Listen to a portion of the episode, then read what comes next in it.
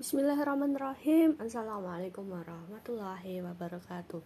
Hi guys, uh, welcome to this podcast.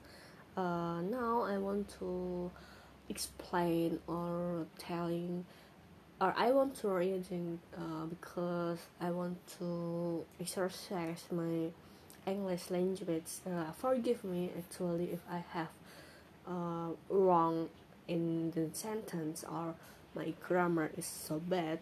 So now i want to talking about uh, the issue. This is in era modern or this in in this era uh, talking about teachers pay.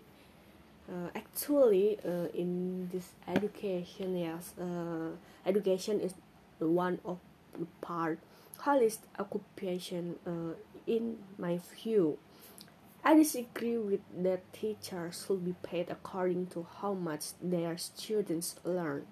Although teachers are important for students, the most important part for learning knowledge is students themselves.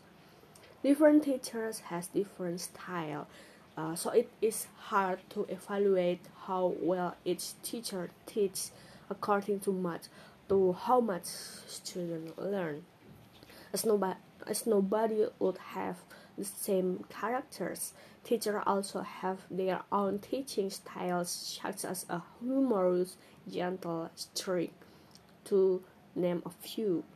Maybe some students like humorous teacher, while others prefer a gentle one. But probably is the student of a strict a strict teacher could give good result in their study even though these teachers uh, teach the same thing. We could not say that the strict teachers would be paid higher than the gentle teacher, since we know that the students have learned more because they were afraid. One to on the other hand, how much or how well students learn depends on students themselves.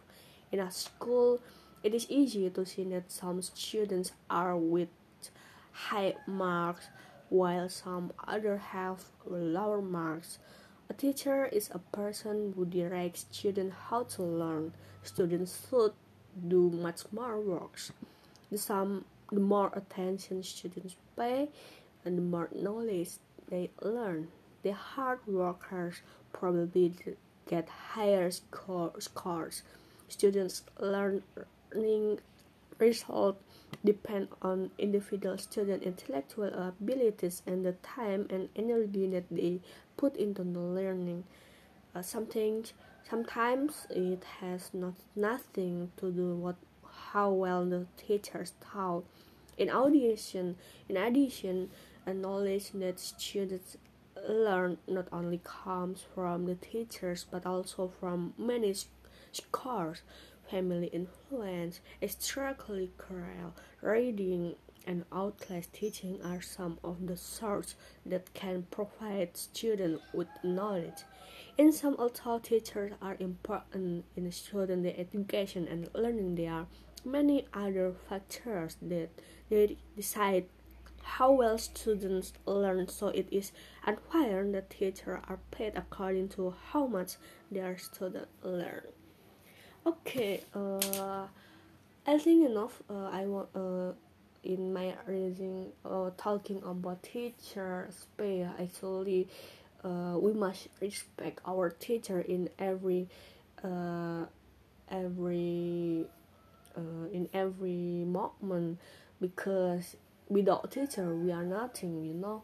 That actually a teacher in my belief that teacher as um, our parent and in school. So we must respect uh, obey the rule in the school and we must uh, follow what uh, the teacher suggests about us because teacher know what is the best for us actually and we can do better more uh, to the future if we respect in our teachers so I think enough. Uh, thank you very much for your attention. Uh, forgive me if I have a many mistake. Uh, see you uh, to the next. Uh, wassalamualaikum warahmatullahi wabarakatuh.